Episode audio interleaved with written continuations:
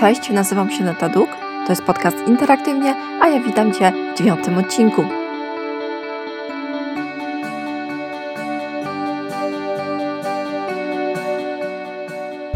Dzisiaj opowiadam o zapytaniach ofertowych. Jakie informacje zawrzeć w takim zapytaniu, aby odpowiedzi dały się porównywać?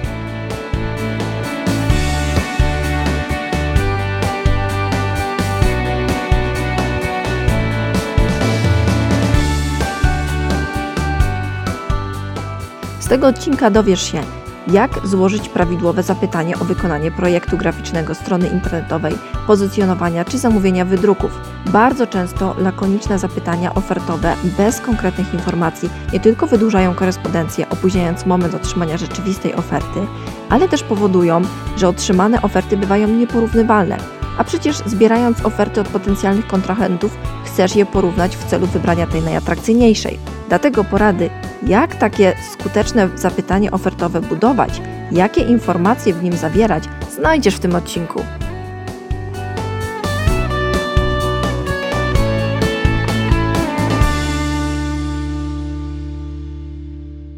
Ile będzie kosztowało proste logo? Ile będzie kosztowała prosta ulotka i tak dalej, i tak dalej. Znaczące jest słowo proste, bo to oczywiście oznacza tak naprawdę, że klient chce tanio, a tak naprawdę nie tanio, tylko chce mieć niską cenę, według swojej jakiejś tam wagi niskich cen. Tylko problem jest taki, że tanio to jest akurat bardzo względne pojęcie w branży interaktywnej. Na przykład logo za 2000 zł dla jednych jest tak tanie, że wręcz nie do przyjęcia, a dla innych tak drogie, że witają taką cenę z ironicznym śmiechem. Coś ty panie zwariował i w tym wszystkim najtrudniej jest z osobami początkującymi, które nigdy wcześniej nie zamawiały czegokolwiek od projektantów graficznych, ponieważ takie osoby porównują usługi dedykowane do przykład elektroniki w sklepie. W takim zestawieniu przykład logo wygląda bardzo blado, zwłaszcza jak się nie zna rzeczywistej wartości marketingowej dobrego znaku graficznego za 2000 zł to można mieć powiedzmy laptopa. A tutaj za takie malutkie logo trzeba tyle zapłacić, zwłaszcza jeżeli się jeszcze okaże, że zaprojektowany znak jest wyjątkowo prostą formą graficzną, a z logotypami często tak bywa. Tak, to są takie właśnie rozważania. Ale wracamy, wracamy do zapytań ofertowych. Zacznę od logotypu. Ten najczęściej jest opatrzony przymiotnikiem prosty. Należy jednak pamiętać, że w sumie większość logotypów jest prostych, ale nie prostota samej formy graficznej będzie tutaj wpływała na cenę. Zasadniczo 90% logotypów jest bardzo prostych. I wśród tych prostych są loga za wiele tysięcy. Gorąco zachęcam do przeczytania książki, którą już polecałam tutaj na, na łamach tego podcastu pod tytułem Logo Design Love.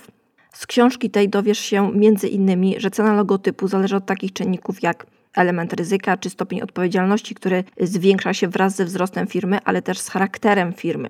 W jednej firmie wdrożenie zmian to na przykład zmiana loga na stronie i wizytówkach, w innych to rebranding na przykład całej floty samochodów, autobusów e, czy co gorsza samolotów itd. Tak Jeżeli rebranding się nie powiedzie, bo logo się nie sprawdzi, koszty mogą być milionowe. Dlatego w takich przypadkach cena za logo może iść w dziesiątki tysięcy i więcej. Kolejnym elementem decydującym o cenie jest fakt, czy firma jest nowa, czy też ma to być rebranding.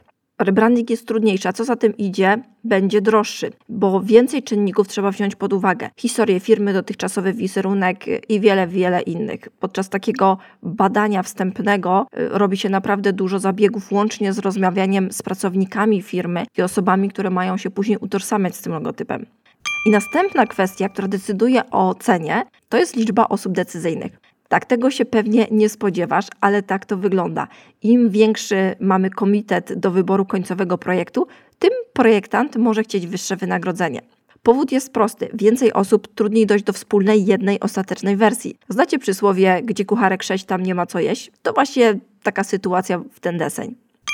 Warto też określić ilość miejsc, gdzie logo powinno być wdrożone. Pola eksploatacji takie na teraz. Zasadniczo dobre logo to takie, które da się łatwo zaadoptować na różnych polach eksploatacji, ale czasami są specyficzne sytuacje, na których może Ci szczególnie zależeć. Dobrze je uwzględnić podczas opracowywania założeń, a przy tym i podczas wyceny. Takim dobrym przykładem pól eksploatacji mogą być na przykład breloki do klucza w formie odlewu z metalu. O ile przypominasz sobie, jak wygląda logo Mercedesa i BMW, to wiesz, że Mercedes może mieć takie logo, nawet montuje na swoich samochodach swoje logo w formie właśnie takiego metalowego odlewu. Natomiast BMW już takiego gadżetu nie ma i mieć nie będzie. Potrzebny jest specjalny kolorowy nadruk bez względu na to, czy zrobi się jakiś półpłaski odlew, taką płaskorzeźbę i na to się naniesie kolory, czy generalnie zrobi się w ogóle jakiś inny rodzaj materiału, wykorzysta do takiego nadruku i to się przyczepi powiedzmy do tego metalowego breloka, to już takiej formy, jak na przykład może sobie zrobić Mercedes, czy na przykład też Opel, Audi,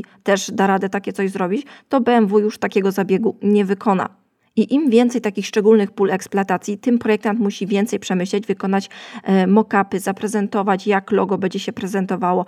I to znowu ma wpływ na ofertę, która ma być dla Ciebie przygotowana. Jeżeli zastanawiasz się, co to są mockupy, bo użyłam tutaj takiego y, słowa. Mockupy to jest taka prezentacja logotypu czy też jakiegoś projektu graficznego, który symuluje, jak to będzie wyglądało w rzeczywistości.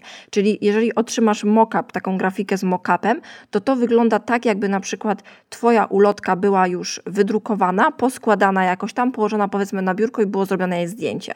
I w taki sposób e, otrzymujesz mockup. Wtedy umiesz sobie lepiej wyobrazić, jak dany projekt wygląda w rzeczywistości, jak on się prezentuje w różnej sytuacji.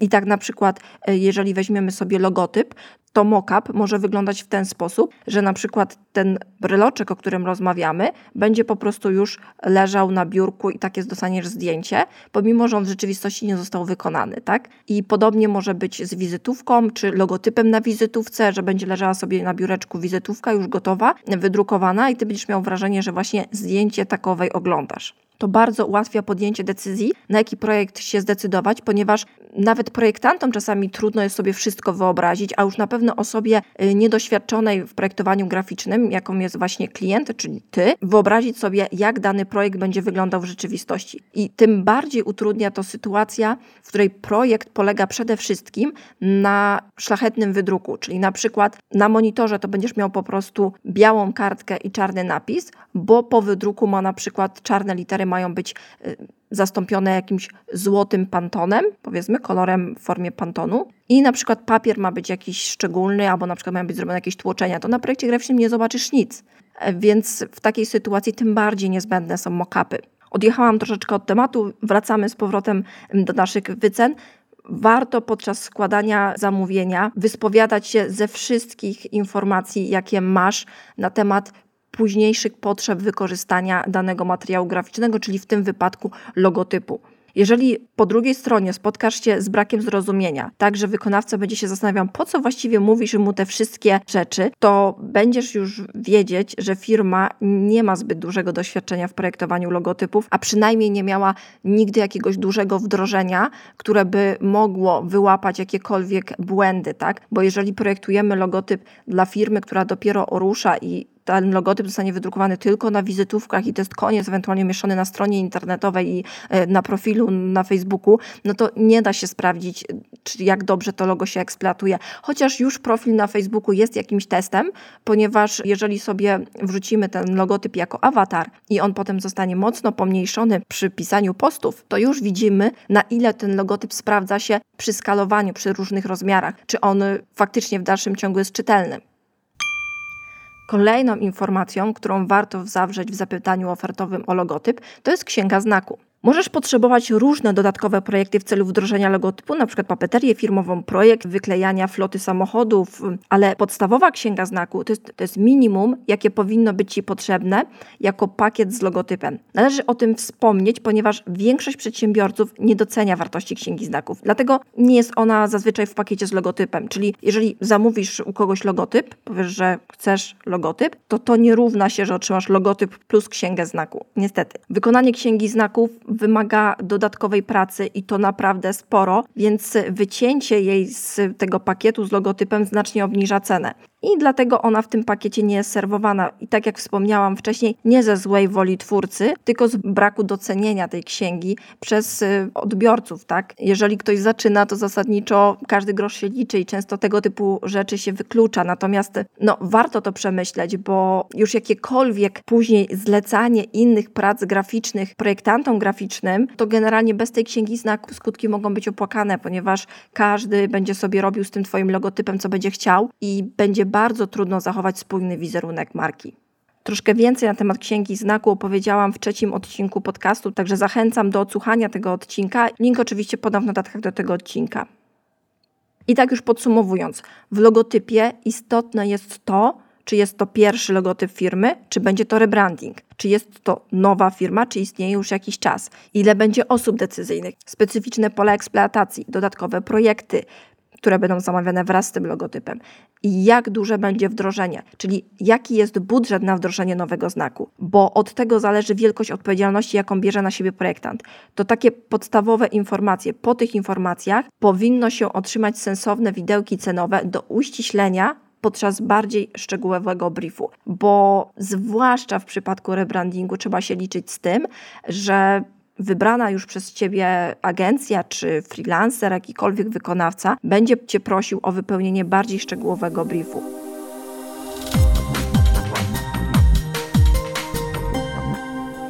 Ok, logotyp mamy załatwiony, bierzemy się za ulotkę lub plakat. Z ulotką i plakatem jest trochę prościej, ale jest też kilka niuansów. Plakacie na przykład bardzo istotny jest rozmiar. Bardzo duży plakat może wymagać zdjęcia określonej rozdzielczości. Nie każde zdjęcie może być wystarczające, co z kolei wiąże się z faktem, że być może zdjęcie, które posiadasz i chcesz wykorzystać, nie będzie się nadawać. A jeżeli to zdjęcie nie będzie się nadawać, to może się okazać, że będzie potrzeba zakupić zdjęcie albo na przykład poświęcić czas na poszukanie zdjęcia, co już zmienia cenę w zasadzie zamawianego materiału graficznego. I tak przy plakacie, jak i ulotce istotne jest bardzo to, czego tak naprawdę oczekujesz od tego projektu. Ulotka nie równa się ulotce, a zwłaszcza plakat nie równa się plakatowi. Głównym tematem może być specjalnie dla Ciebie wymalowana ilustracja, może to być specjalnie dla Ciebie wykonane zdjęcie, a może być po prostu zdjęcie przesłane przez Ciebie. I każda z tych sytuacji powoduje, że jest to zupełnie inne zlecenie. W każdym z tych przypadków cena zmienia się diametralnie. Podobnie jest z ulotką. Chcesz coś mega kreatywnego czy odtwórcze poukładanie jako tako przez przesłanych przez ciebie treści. Musisz wiedzieć, czego chcesz i jaką to ma wartość. Jeśli nie masz pomysłu, jak takie materiały mogą wyglądać i wydaje ci się, że ulotka to po prostu ulotka, to bardzo zachęcam cię do przejrzenia portalu behance.net i przeszukania tego portalu w poszukiwaniu plakatów lub ulotek, jakichkolwiek na sam początek, a później znalezienie takich, które w jakiś sposób cię urzekły.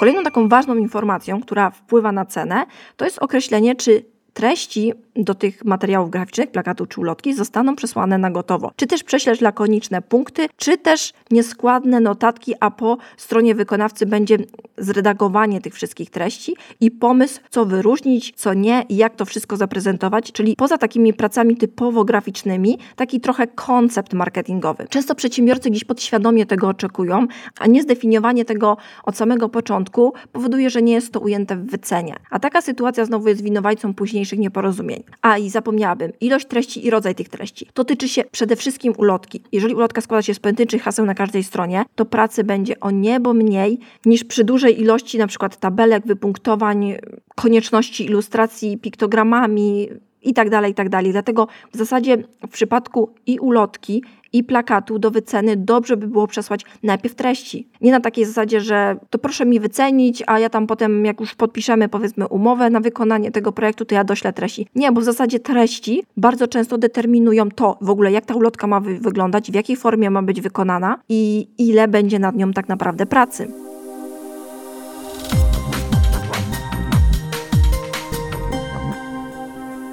Przypadku projektów graficznych na potrzeby np. profili społecznościowych sytuacja jest e, trochę prostsza, ponieważ jest więcej ograniczeń, które od razu precyzują zapytanie.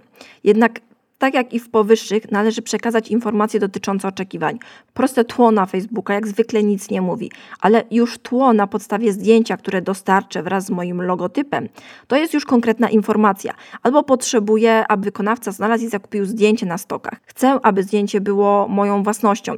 To są konkretne informacje, które mogą przygotować wykonawcę do przygotowania solidnej oferty. Myślę, że mniej więcej już wiesz o co chodzi i zwrócisz uwagę na przekazanie potencjalnemu projektantowi informacje, które rzeczywiście mają znaczenie w wycenie i niosą jakąś konkretną informację o stopniu skomplikowania projektu.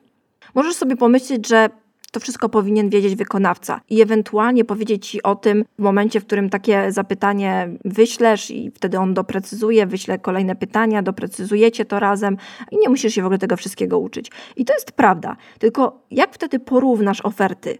Gdy wielu wykonawców w miejsce Twoich niedopowiedzeń wrzuci swoją propozycję, każdy inną, no jeśli chcesz wykonać jakiekolwiek miarodajne porównanie, musisz wiedzieć, jakie elementy mają być brane pod uwagę w wycenie, na jakich Tobie konkretnie zależy i którymi Ty będziesz porównywał. Wtedy, jeżeli dany projektant dołoży jakieś dodatkowe punkty, no to no okej, okay, no być może ta oferta będzie się różnić tymi punktami, ale ty będziesz miał te swoje punkty, które będziesz porównywał. Jeżeli nawet masz coś u innego wykonawcy dodatkowo i przez to to jest droższe, no możesz sobie to pominąć, bo dla ciebie może to być nieistotne po prostu.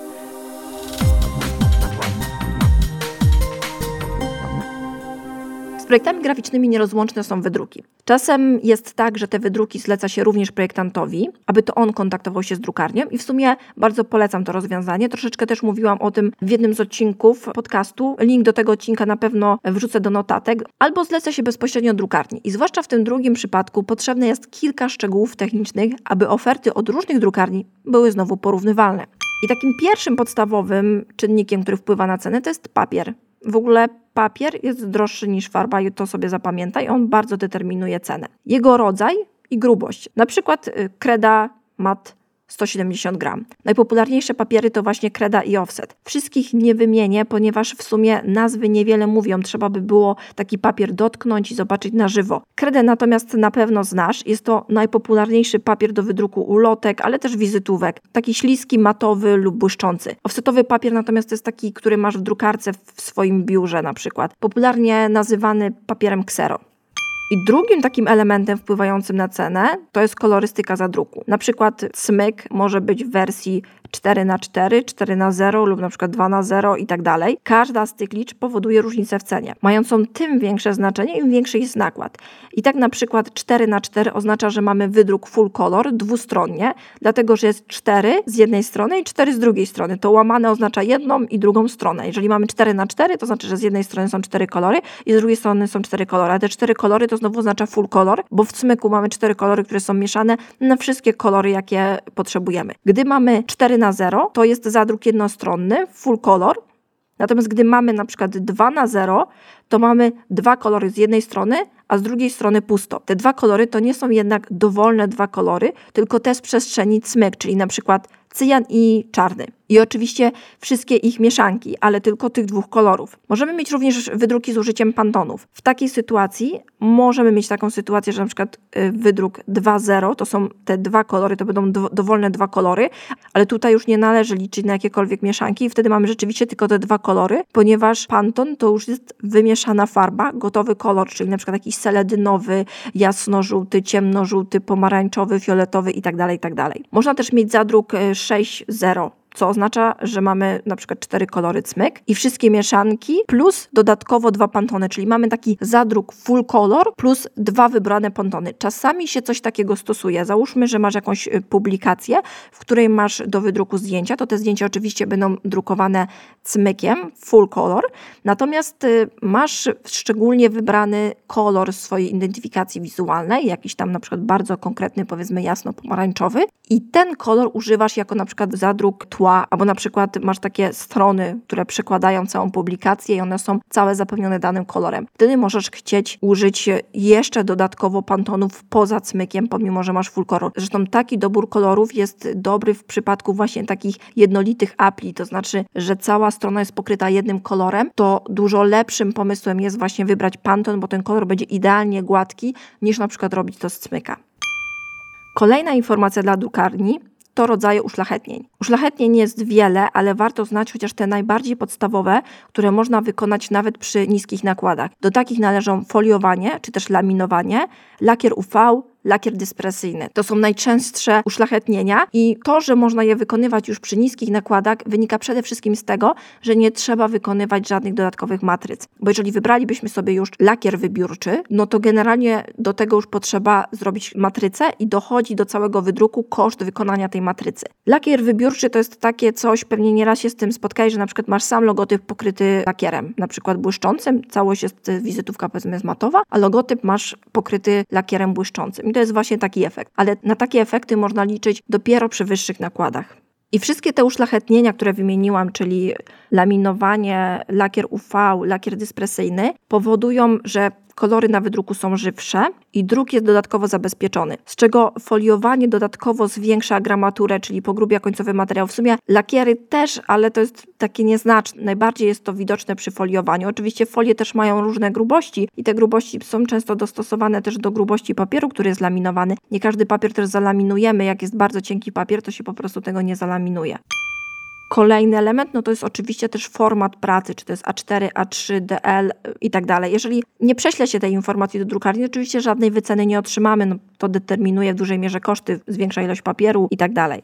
I ostatnia obowiązkowa informacja, od której bardzo mocno zależy cena jednostkowa, czyli to, ile nas będzie kosztowała pojedyncza lotka, pojedyncza wizytówka itd., tak itd. Tak Im większy nakład, tym ta cena jednostkowa jest niższa, spadająca niekiedy nawet do kilku groszy, a przy skrajnych przypadkach nawet potrafi zejść poniżej grosza. Najlepiej ta cena spada przy druku tak zwanym offsetowym. Nie mylić z papierem offsetowym, nazywa się to tak samo, natomiast druk offsetowy polega na tym, że mamy najpierw naświetlane klisze i potem te klisze są odbijane, właśnie kolejno smarując tablicę najpierw jednym kolorem, cyjan, magenta, yellow, black i dzięki temu otrzymujemy pełnokolorowy wydruk. Oczywiście to tak bardzo rysunkowo, ponieważ teraz są już maszyny, które z jednej strony wchodzi plik graficzny, następuje naświetlanie i gdzieś tam po prostu po kolei idąc przez tą maszynę są wykonywane te wszystkie procesy bez udziału y, drukarza i bez ręcznego pasowania poszczególnych kolorów. Wracając do tego naszego druku offsetowego. Ten najbardziej jest opłacalny przy dużych nakładach, natomiast w przypadku druku cyfrowego opłacają się tylko niskie nakłady i w przypadku lotek takim niskim nakładem, który wchodzi w grę przy druku cyfrowym, to maks 100-200 sztuk. Chociaż już przy 200 sztukach bywa tańszy offset. Przy druku cyfrowym bardzo szybko dochodzimy do pułapu, który powoduje, że cena jednostkowa już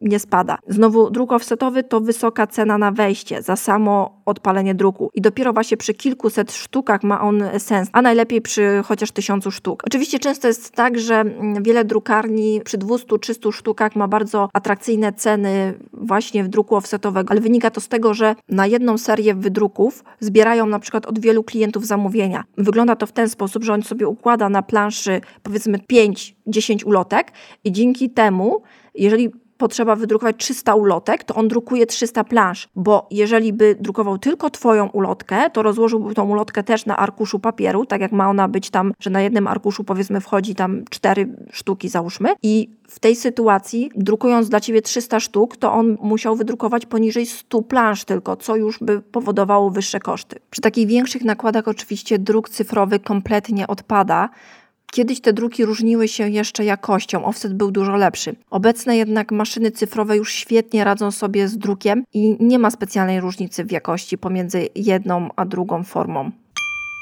pewnych specyficznych przypadkach możesz jeszcze potrzebować takie magiczne usługi jak sztancowanie lub bigowanie. Oba zabiegi są płatne i trzeba je ująć w wycenie. Na przykład ulotki A4 składane do DL wymagają sztancowania. Wówczas y, otrzymasz je poskładane. W innym przypadku otrzymałbyś po prostu rozłożone kartki A4, no i trzeba byłoby je poskładać samemu, co jest absurdalne, zwłaszcza przy dużych nakładach. Bigowanie jest potrzebne przy grubszych papierach. Wygląda to w ten sposób, że powiedzmy, że zlecasz wydruk zaproszeń, które są na papierze powiedzmy 250 gram. W takiej sytuacji już nie wykonuje się po prostu sztancowania, tylko się wykonuje bigowanie i big to jest taka kreska. I to też jest, się wykonuje przy teczkach firmowych. Wówczas nie otrzymujesz już poskładanych, tak jak ulotki, materiałów, one są na płasko rozłożone po to, żeby też łatwiej byłoby je przechowywać i żeby zajmowały mniej miejsca, ale dzięki tej kresce jesteś w stanie zgiąć później takie zaproszenie, czy też poskładać teczkę i papier kartonowy, na którym jest wydrukowane, no bo generalnie kreda to nie karton, ale już przy takich grubościach, jeżeli spróbujemy ją zgiąć, to ona po prostu potrafi się przełamać, tak? Czyli wyjdzie taki brzydki efekt popękanego papieru. Bigowanie zapobiega tej sytuacji.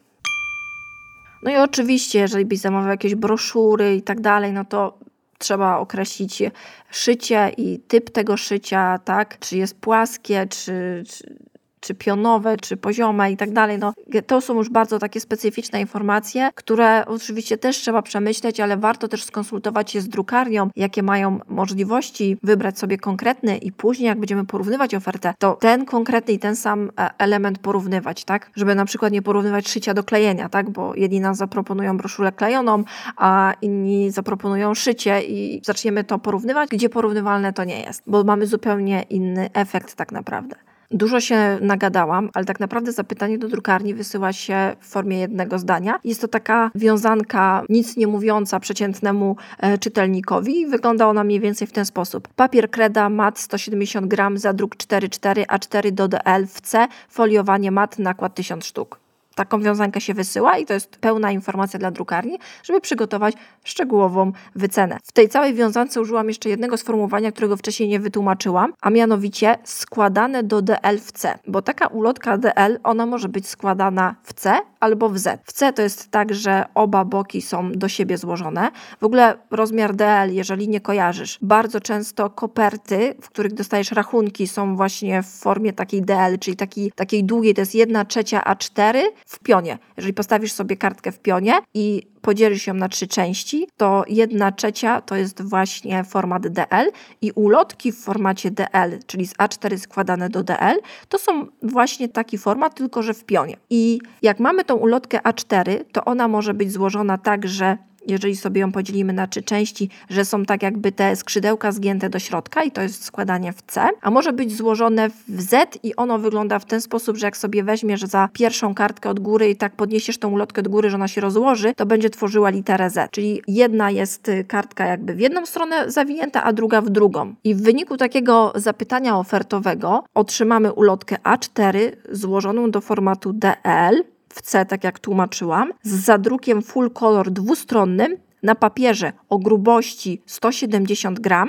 i dodatkowo z laminowaniem, oczywiście w ilości 1000 sztuk. I Tutaj chciałam jeszcze wyjaśnić taką rzecz. Skąd masz wiedzieć, jaką wziąć gramaturę? No bo podejrzewam, że 170 gram, 150 gram, 130 gram, 200 to ci nic nie mówi. Ale jeżeli ci powiem, że papier do drukarki masz zazwyczaj o gramaturze 90 gram, a na przykład twoja wizytówka to jest 300 gram, a w zasadzie 350, no teraz są jeszcze takie specyficzne, klejone z kilku papierów i po 700-800 gram, ale taka standardowa wizytówka najczęściej to jest 350 gram to już umiesz sobie wyobrazić, ile to jest 170 gram i dlaczego właśnie najczęściej taka gramatura jest wybierana do ulotek. Wykorzystuje się też 130 gram, ale ona już jest taka, no taka wiotka wtedy, no nie wygląda tak porządnie. I ta gramatura jest bardzo istotna właśnie w wycenie, czyli jeżeli jedna drukarnia da Ci dużo lepszą cenę, się okaże, że tam jest przemycona gramatura 130 gram, bo często tak jest, że na przykład wysyłam zapytanie do drukarni, powiedzmy na papier 170 gram i oni takiego papieru nie mają i odsyłają mi wycenę, w której jest rozpisane, że oczywiście papier dali o niższej gramaturze, ale nie ma takiej informacji w, opis, w opisie tej oferty, że niestety nie mieliśmy takiego papieru i tutaj proponujemy inny, tylko po prostu piszą papier powiedzmy 130 gram. No to trzeba zwrócić na to uwagę, bo wtedy ta oferta może być dużo niższa i korzystniejsza niż z drukarni, która zaproponowała faktycznie papier 170 gram. Ja oczywiście powiedziałam korzystniejsza, ale ta oferta nie będzie korzystniejsza, tylko lepiej będzie wyglądała cenowo.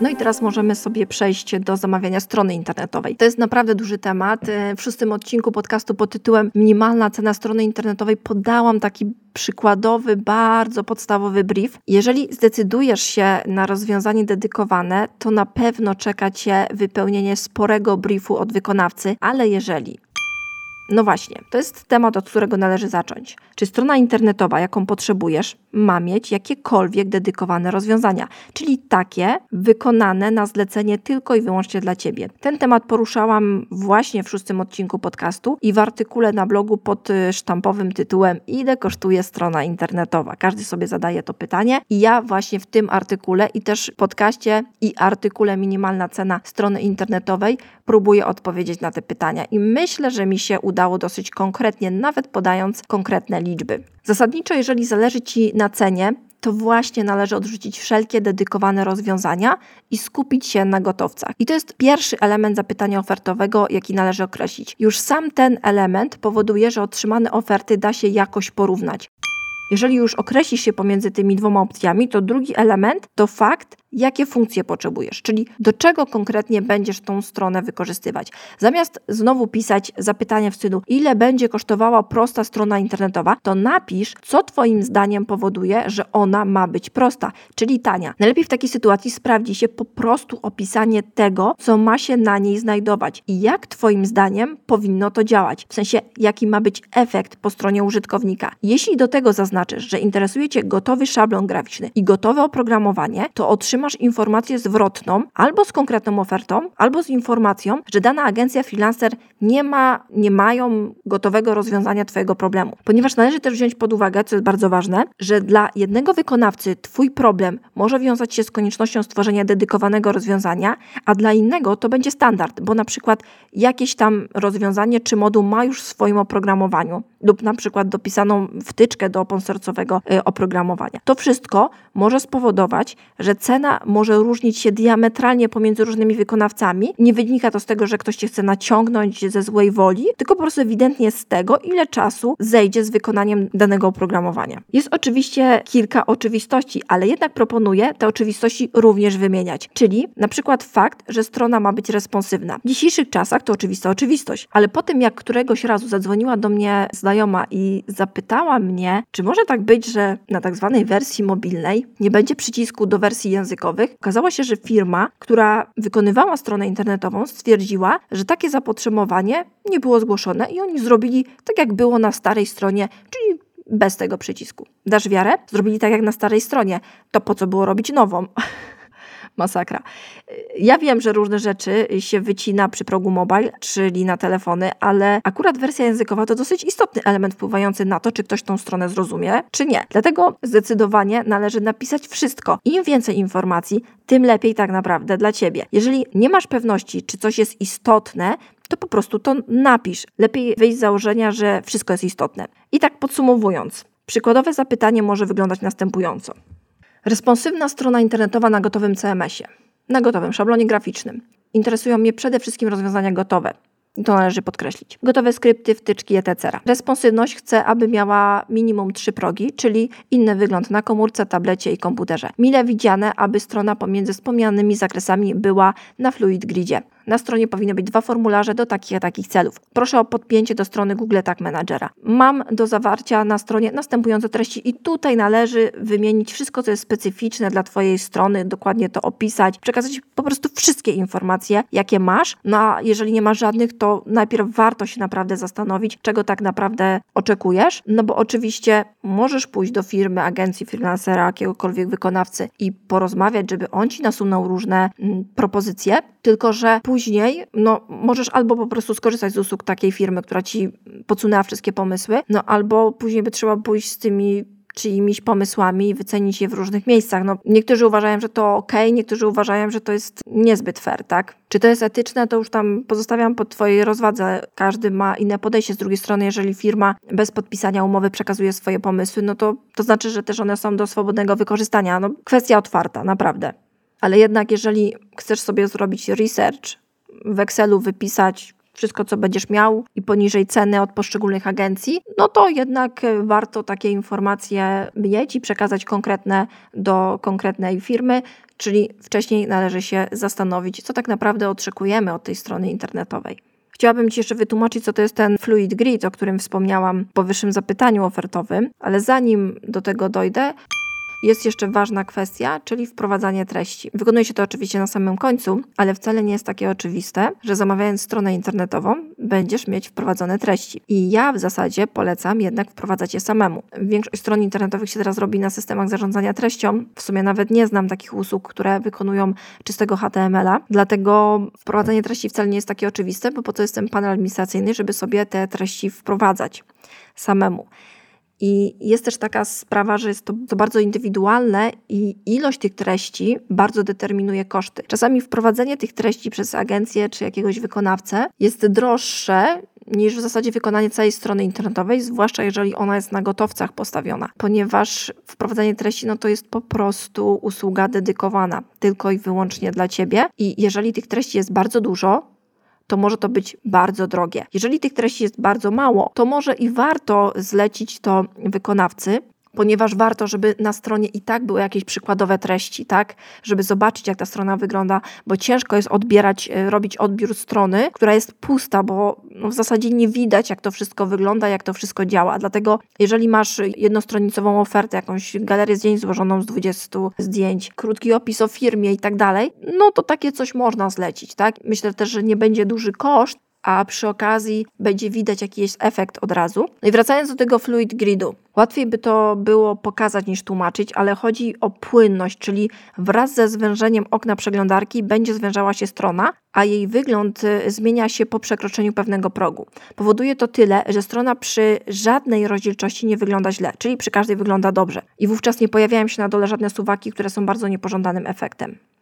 I gdy wszystkie te informacje przekażesz potencjalnemu wykonawcy, to to jest naprawdę już konkretna informacja, która daje szansę na otrzymanie porównywalnych ofert. W drugim kroku po otrzymaniu ofert należałoby jeszcze porównać te oferty, ale nie pod kątem samej ceny, a zawartości. Jeżeli jakaś jest tańsza, ale pewnych elementów nie ma, warto zapytać, czy na pewno ich nie ma, czy do tego stopnia dana firma uważa to za standard. Dlatego, że niestety ale w tej branży chyba nie ma żadnych standardów. Oferty są przeróżne, inni uważają pewne rzeczy za oczywistość, inni uważają, że trzeba było im to powiedzieć, dlatego warto każdy szczegół dopytać. Dlatego w przykładowym tym zapytaniu, który wymieniłam wcześniej, napisałam o podpięciu Google Tag Managera, bo z jednej strony można powiedzieć, że to jest standard i oczywistość, tak jak dla innych podpięcie Google Analyticsa, a inni wstawiają to w swojej ofercie jako punkt, a jeszcze inni oferują, że to jest gratis, że gratis otrzymasz Google Analytics, tak? Jednak ten jeden skrypt Google Tag Managera umożliwia dodawanie wszystkich tagów marketingowych, takich jak na przykład Google Analytics, tag remarketingowy, Google AdWords czy Facebook Pixel, bez mieszania w kodzie i bez dodawania ręcznie na różnych stronach. Wystarczy, że twórca strony umieści tag Google Tag Managera w layoutie powtarzalnym na każdej podstronie serwisu. Resztą może zażądać już z poziomu Google Tag Managera w graficznym interfejsie.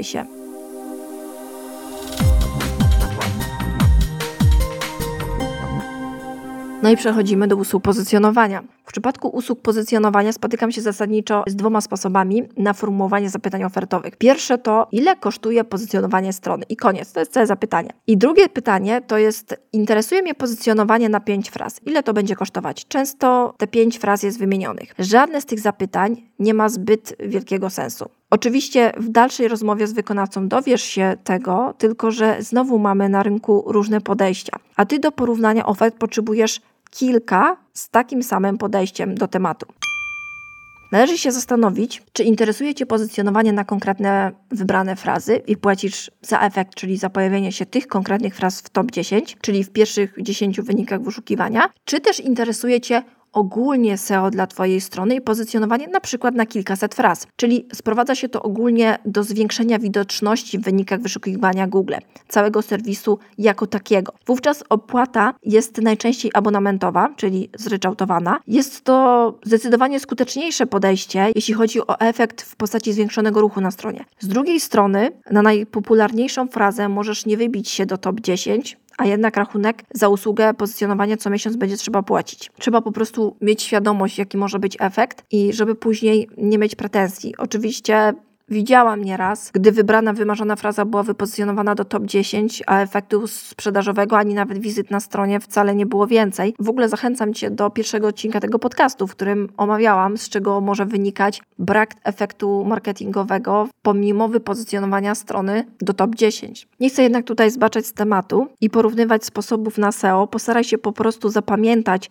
że ważne jest zwrócenie uwagi jaka może być forma świadczonej usługi. Żeby nie robić takiego porównania, że u tych zapłacę dopiero za efekt, tylko że efekt y, może nie przekładać się na sprzedaż. Warto więc najpierw zdecydować się, czy chcemy się pozycjonować na efekt, czy robimy ogólnie SEO dla swojej strony internetowej i interesuje nas po prostu współpraca abonamentowa z jakąś agencją czy, czy freelancerem, który takie działania na naszej stronie podejmie i dopiero po wyborze jednej z tych dwóch dróg szukać wykonawcy, który świadczy usługi właśnie y, w taki sposób, i później otrzymujemy faktycznie oferty, które można porównać. I taką jeszcze istotną informacją, którą warto zaznaczyć przed podjęciem współpracy, a najlepiej właśnie podczas zapytania ofertowego, składania zapytania ofertowego, że interesują Cię tylko i wyłącznie działania z zakresu White SEO. Niby każdy wykonawca twierdzi, że stosuje tylko bezpieczne techniki, ale w razie problemów z Twoją stroną w wyniku działań pozycjonera masz czarno na białym, że godziłeś się tylko na działania zgodne z wytycznymi Google dla webmasterów. Musisz też wiedzieć, że dla Google sam fakt wykonywania czegoś takiego jak pozycjonowanie już jest niezgodne z wytycznymi Google. Jedynie SEO jest legalne. Z tego też powodu pozycjoner poprzez bezpieczne techniki uważa te, które jeszcze nie są karane przez Google, ale to, że teraz nie są, to wcale nie znaczy, że nie będą. Problem jest taki, że działania sprzed roku mogą mieć wpływ na pozycję strony za rok, bo za rok Google coś zmieni w algorytmie, co spowoduje, że różne wcześniejsze działania okażą się problematyczne dla pozycji Twojej strony internetowej. Przykładem takiej sytuacji jest pozyskiwanie przeróżnych linków. Obecnie trwa masowe zrzekanie się linków, bo Google w końcu umożliwiło zrzekanie się z linków, ponieważ pozbycie się ich y, ze wszystkich stron jest praktycznie niemożliwe. Więc najpierw było y, wykładanie pieniędzy na pozyskiwanie tych linków, a teraz jest wydawanie pieniędzy na niwelację tych linków, prawda? No bo ktoś to musi zrobić. Zazwyczaj właściciel strony internetowej tego nie robi. Dlatego no, warto dokładnie przemyśleć kwestię usługi pozycjonowania i tutaj też chciałabym Cię odesłać do artykułu na blogu. Tytuł artykułu to jest Zanim zamówisz usługę pozycjonowania. Tam opisuję też dokładnie, jak sytuacja wygląda i co w sumie można też zrobić samemu dla swojej strony internetowej, żeby zwiększyć widoczność swojej strony w Google. I to już wszystko, co dla Ciebie przygotowałam na dzisiaj. Zbliżamy się do dziesiątego odcinka i za tydzień w tym okrągłym odcinku będzie ciekawy temat pod tytułem 10 spornych tematów na linii grafik klient. I od tego odcinka podcast będzie się ukazywał już co dwa tygodnie. Nie, nie dlatego, że mi się nie chce co tydzień, a dlatego, że specyfika tematu, która jest omawiana, jest idealna na screencast, czyli takie poradniki wideo. Mam całą masę tematów spisaną, która czeka na realizację w formie screencastów właśnie do którego od jakiegoś czasu się już przymierzam i, i ten czas, który zyskam kosztem podcastu, poświęcę właśnie na produkowanie dla Ciebie materiału wideo. Notatki oraz transkrypt do tego odcinka znajdziesz na blogu pod adresem anetaduk.com kośnik peł kośnik 9 jak 9 odcinek tego podcastu. Mnie znajdziesz oczywiście na blogu i na Facebooku pod nickiem anetaduk.com pisane razem bez kropek. I tymczasem do usłyszenia za tydzień.